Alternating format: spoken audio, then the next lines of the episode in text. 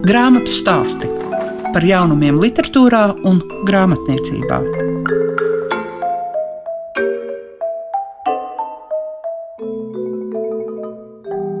Ir tik patīkami, ka trešdienas klasikas plānos ir uzrakstīts grāmatu stāsti. Tos tagad arī piedāvājam. Ilmārs Zvirksts, reģistratūra. Tas ir detektīva romāns, ar kuru mums labi zināmais tulkotājs iepazīstinās, jo šoreiz pats to uzrakstījis. Savukārt Pentī Sārekoskī ir somu dzēnieks, klasiķis, par kuru daudz dzirdēts, kura darbi arī latviešu ir lasīti. Maima Grīnberga mums piedāvā Pentijas Sārikoskī dienas grāmatu krājumu Ir vai nav Eiropas mala Bretaņas dienas grāmata. Un vēl, pateicoties Maimai Grīnbergai, latviskota igauņu rakstnieces Trīnū Lānas skeleta Juhana gaitas. Kopā ar jums, kā parasti, liega piešiņa. Grāmatu stāsti tiem, kam grāmatu lasīšana ir vērtība. Es varbūt šoreiz sāku grāmatu stāstos iepazīstināt ar Ilmāra Zvirgzda reģistratūru ar uz 4. vāka rakstītiem teikumiem. Šis romāns nav klasisks detektīvs, tas vairāk līdzinās ironiskam rebusam, intelektuāli izaicinošai spēlei, kurā ticamais mīs ar neticamo, brīnumainais ar ikdienišķo, groteskais ar piegludinātu parasto. Man bija interesanti, es diezgan ātri izlasīju arī reģistratūru un pēc tam domāju, redz, vēl viena vieta, kura tiek iekarota, lai to tā tēlaini un forši aprakstītu. Kā Ilmāra ir? Jāsaka, atklāti reģistratūras uzrakstīja 2019. gada augustā, kad man nebija īsti ko darīt tajā augustā. Un, uh, es tobrīd dzīvoju Kanādā. Un, uh, pamanīju, ka zvaigznē ir detektīva konkurss, tāpēc es pieskaņoju arī žanriski, to, lai tas it kā vismaz ārēji būtu detektīvs. Tad es to uzrakstīju. Grāmata iznāca pēc diviem gadiem. Pašam, cik tuvu ir tāds detektīvu žanrs, ikdienā arī kādreiz lasi? Nu, jā, man ir paticis visu kaut ko lasīt, un arī schēmot. Man pat ir speciāla datorā programma, ar kuru schēmoju tādā dažādā sižeta stāstu līmenī un vēl visādas.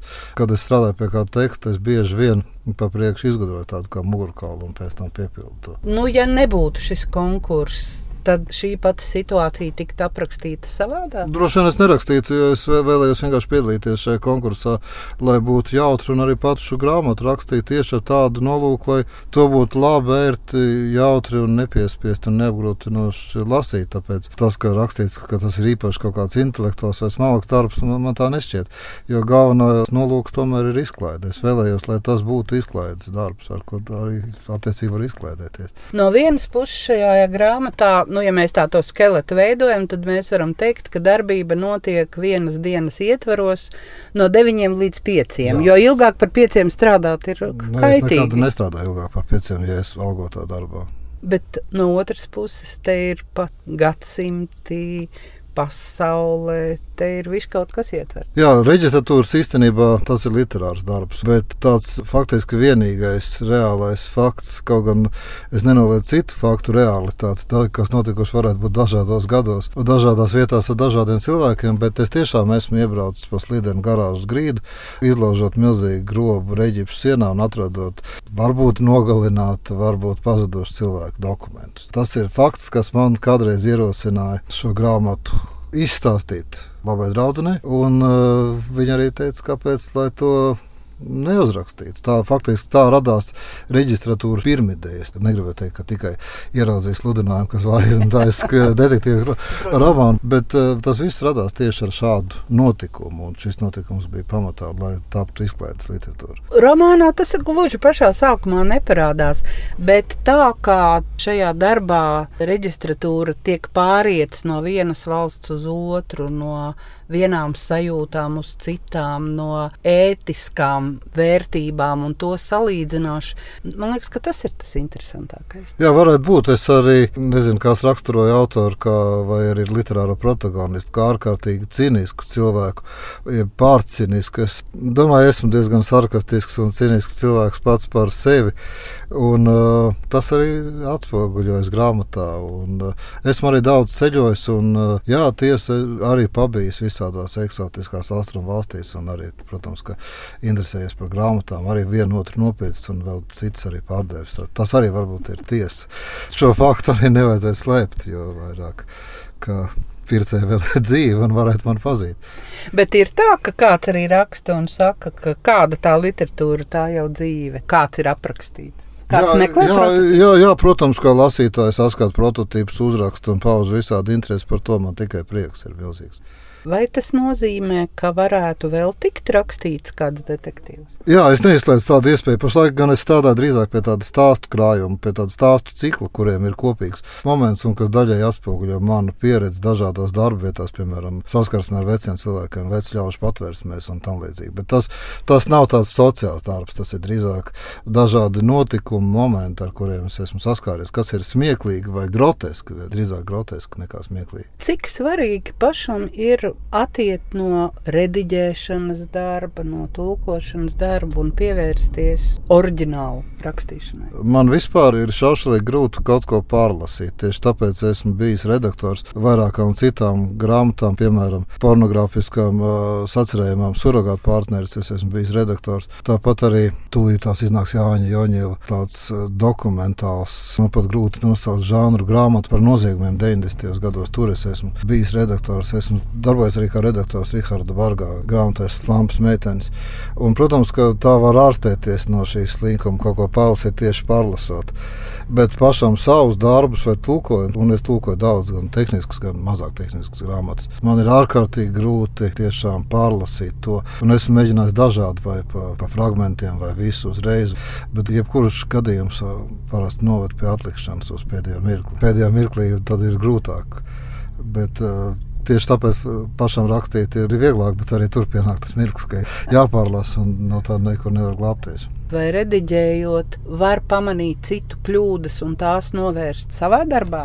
Es neteiktu, ka es nekad neesmu centies manīt kaut ko tādu, ko sauc par kļūdām. Drīzāk es gribēju teikt, ka man piemīt tāds konceptuāls skatījums, un ka es varu pamanīt, kur būs plūdums, kur būs teksta plūdums, kas ir traucējoši tīri es varu iedzināties tieši kā cilvēks, kas baudītu šo tekstu un izējot no tādas baudas un teksta lasīšanas prieka, tad es mēģinu pamanīt to, kas varētu citiem to traucēt. Atsakoties no tās pamācīšanas, bet padarīt to tiešām nu, to, ko sauc par lasām. Un tā jau ir tā māksla. Tehniski lieta ir viena. Ir daudz cilvēku, kas ir labāk par mani, iespējams, ir valodas redaktori vai tam līdzīgi. Bet tieši tā redakcijas māksla ir tas, ka, lai es spētu saskatīt visādus traucēkļus, un lai gala rezultātā iznāk darbs, kas ir lasāms un daudziem patīk. Un vienlaikus pašam arī darbojoties kā redaktoram, paliekot dibenplānā, kaut kur nemanīt un ievērot zemu profilu, lai tavu personību nelien tur ārā. Un no tā ir grūti piesargāties, piemēram, tulkojot kaut ko, jo katram ir savas valodas īpatnības, paņēmieni un tam līdzīgi. Un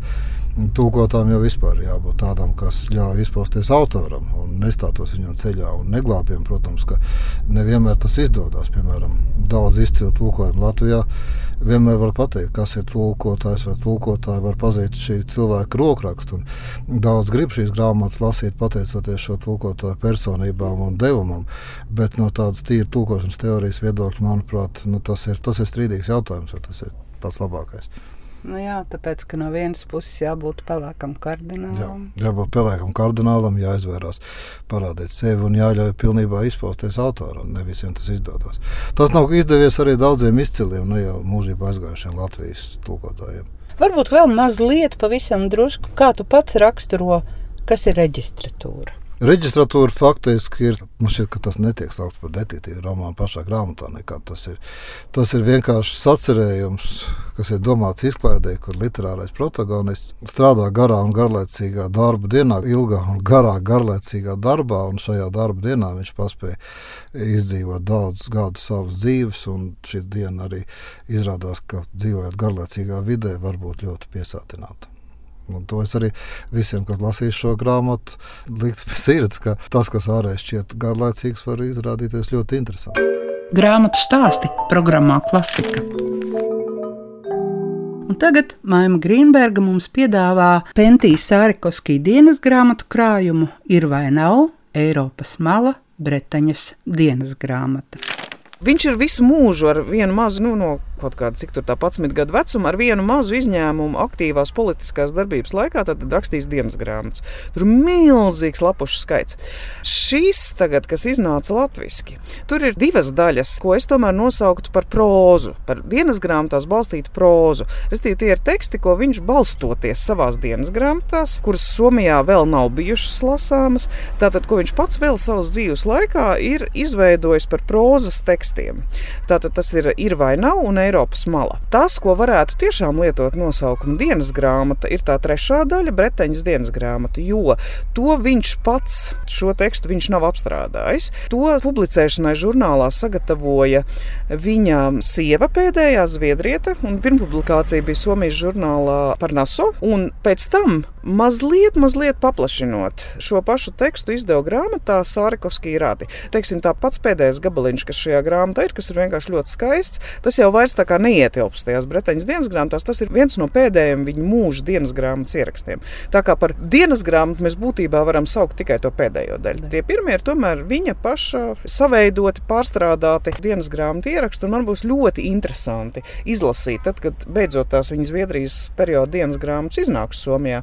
Būs ļoti interesanti lasīt, kāds ir tas jēlmateriāls šiem diviem tekstiem. Jo to Bretaņas dienas grāmatu mēs varam nosaukt vēl par jēlmateriālu, un tie divi ir viņa paša pārdomāti izdomāti, saveidoti teksti. Vai viņš arī pats paskaidro, kāpēc viņam ir tik svarīgi rakstīt dienas grāmatu un principā tik uzticīgi? Tik daudzus gadus. Ja kāda būtu tā tava versija, kāpēc tā? Man liekas, ka es tādu vismaz neatceros. Ja viņš ir vienkārši cilvēks, kurš nemitīgi reflektē par sevi, kas no vienas puses ir ļoti narciski, bet no otras puses es arī saprotu, ja viņa galvā ir tāds kosmos. Tur tik daudz kā viss ir, ka tā nabaga galva vienkārši pārsprāgt, ja viņš to visu nebūtu izlicis. Un otrkārt, nu, viņš bija arī diezgan iedomīgs cilvēks. Viņš patiešām sevi uzskatīja, kā viņš tur arī vienā tajā tekstā raksta, ka viņš kādam, kas lidmašīnā viņam prasa, kas viņš tāds ir, viņš saka, no, es esmu pašlaik Eiropas labākais dzinieks. Viņš patiešām tā arī domāja, tie nebija nekādi dzērumi murgi. Līdz ar to viņam likās, ka viss, ko viņš pieraksta, ir svarīgi. Un, un acīm redzot, tā kā šo domu uzturēja arī viņa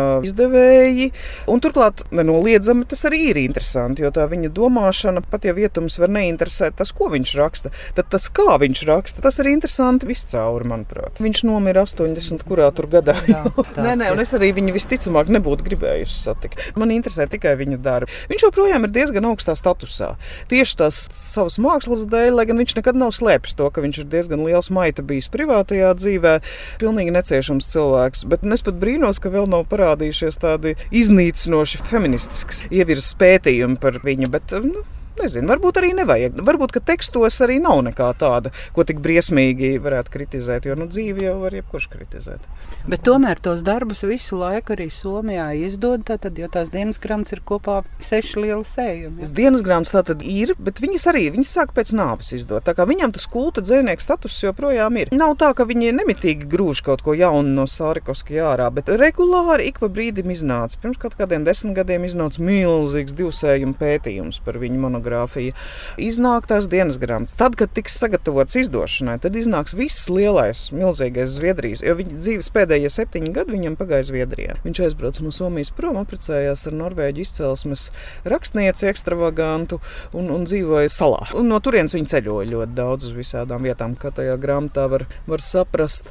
Jā, tā kā pilnīgi noteikti tās grāmatas izpirks, tās dienas grāmatas iznāks. Cilvēki joprojām interesējas par viņu, joprojām ir svarīgi viņa dzējoļi, dziesmas ar viņa vārdiem.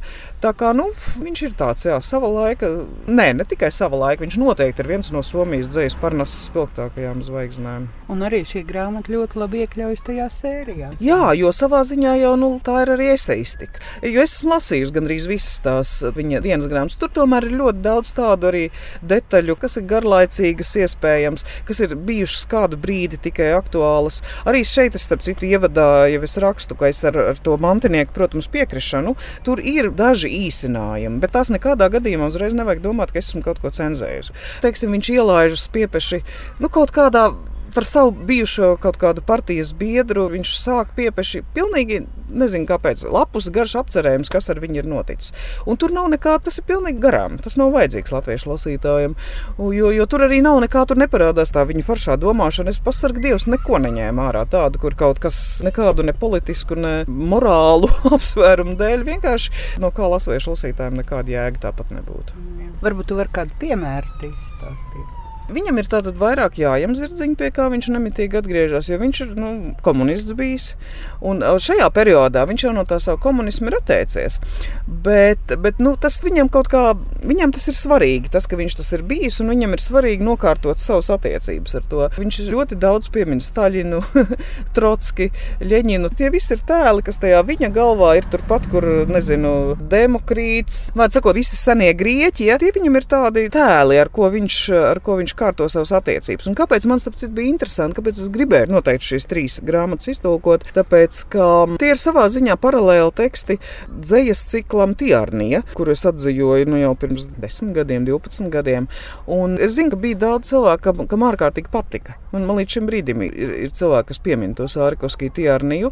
Un man likās, varbūt kādam ne tikai tāpēc, vien, ka tie interesanti teksti ir šie viņa prozas teksti, bet varbūt kādam vēl ir arī interesanti tās paralēlas saskatīt. Jā, tā ir viena no grāmatām grāmatām, kuru pēc tam vajadzēs meklēt pārlasīt? Jā, es ļoti iesaku, jo, jo teiksim tā, e, es pat pieļauju, ka varbūt kāds, kurš ārkārtīgi nebaidos no šī vārda mīlējis Sārikoskī tiārnī, varbūt pat drusciņi vilsies, jo tā tiārnī jau ir tāda ļoti sapresēta. Tur ir viss, viss ārkārtīgi uzvilkts līdz pēdējiem. Šeit viņš tomēr nu, drusku vairāk par sevi, arī par sevi kā par personību pastāsta. Šeit ir iespējams tā fona trokšņa drusku vairāk. Bet nu, man patīk tas, kā viņš to troksni tā izsaka tas ir tie viņa paradoksi un tās trīs pakāpju tās sistēmas, kā viņš veido tos savus teikumus bieži. Un, jā, man bija patiesa bauda to tulkot. Es ļoti gribēju izdarīt, un es biju laimīga, ka es to varēju izdarīt. Bet mums jau laikam jālūdz arī tev pastāstīt par to bērnu grāmatu, ko tu esi latviskojis. Mums... Un tā gan ir liels un mazs. Jā, izdevniecībā liels un mazs, un pat ir iznākusi pilnīgi brīnišķīga igauņu trīnulānas grāmatiņa skeleta Juhana Gaitas ar Marijas Līsas placas ilustrācijām. Tā ir grāmatiņa, kas Igaunijā ir eh, bijusi ārkārtīgi populāra, un eh, šīs grāmatas ilustrācijas pat tika izmantotas šī gada Boloņas bērnu grāmatu tirgu. Igaunijas stends bija noformēts ar šīs grāmatas ilustrācijām. Ārkārtīgi sirsnīga grāmata par vienu vecu skolas skeletu, kurš ir diviem veciem cilvēkiem, tātad māmukam un tētem, vecuma mierinājums. tā varētu teikt, kurš nonāk pie viņiem laukos, tad viņi tā kā risina tās kaut kādas savas ikdienas problēmas ar šī skeleta palīdzību. Un, uh, kaut kā tāda ārkārtīgi sirsnīga un ārkārtīgi mīļa grāmata. Man viņa, varbūt kāds teiks, ka tas ir pilnīgi garām, bet man viņa noskaņas ziņā varbūt atgādina to Dats Meijers tulkoto grāmatu. Mans vectēvs bija ķirškoks. Tur kaut kas vietumis noskaņas ziņā, manuprāt, ir ļoti līdzīgi. Bet um, tas, kas varbūt varētu būt interesanti, kur piemēram parādījās man, mana kā tūkotāja problēma, Igaunijas variantā. Abi tātad galvenie, nu, Juhans ir, protams, pats galvenais varonis, bet vecmāmiņa vecētiņš, viņi runā Dienvidu-Igaunijas dialektā. Es pamēģināju latviešu, bet man nepatika. Man vienkārši nepatika, kā tajā tekstā sēž dialekts, un tad es izdomāju, Igaunu bērnus ar igauņu dialektiem, lai iepazīstinātu igauņu rakstnieku. Latviešu bērnus, lai iepazīstinātu latviešu rakstnieku. Līdz ar to latviešu variantā šie abi vecie jaukie cilvēki nerunā dialektā. Viņiem ir drusciņi, varētu būt tāds drusciņi, tāda sarunu valoda, tāda kāda varētu, nu, kā varētu iztēloties, kā veci cilvēki runā. Un es joprojām domāju, ka es izdarīju pilnīgi pareizi. Tā kā lūdzu latviešu bērnu rakstnieki, ja jūs domājat, ka Latvijas bērniem ir jāzina dialekti, lūdzu rakstiet grāmatas, kurās ir izmantot dialekti izskan grāmatu stāsti. Šodien dzirdējāt Ilmāru Zvirgzdu. Viņš iepazīstināja ar savu oriģinālu darbu, kura nosaukums ir reģistratūra, un ko varam pieskaitīt izklaidējošai, gana labai detektīvu literatūrai. Savukārt somu dzinieka Pentī Sārikoskī dienas grāmatu krājumu ir vai nav Eiropas mala Bretaņas dienas grāmata latviskojusi Maima Grīnberga, un šī slavenā somu dzēnieka darbus mēs arī pateicoties maimai varam lasīt. Un vēl par Trīnu Lānas skeleta Juhana gaitas. Raidījumu veidoja Liega Piešiņa un aicina jūs uz citu tikšanos.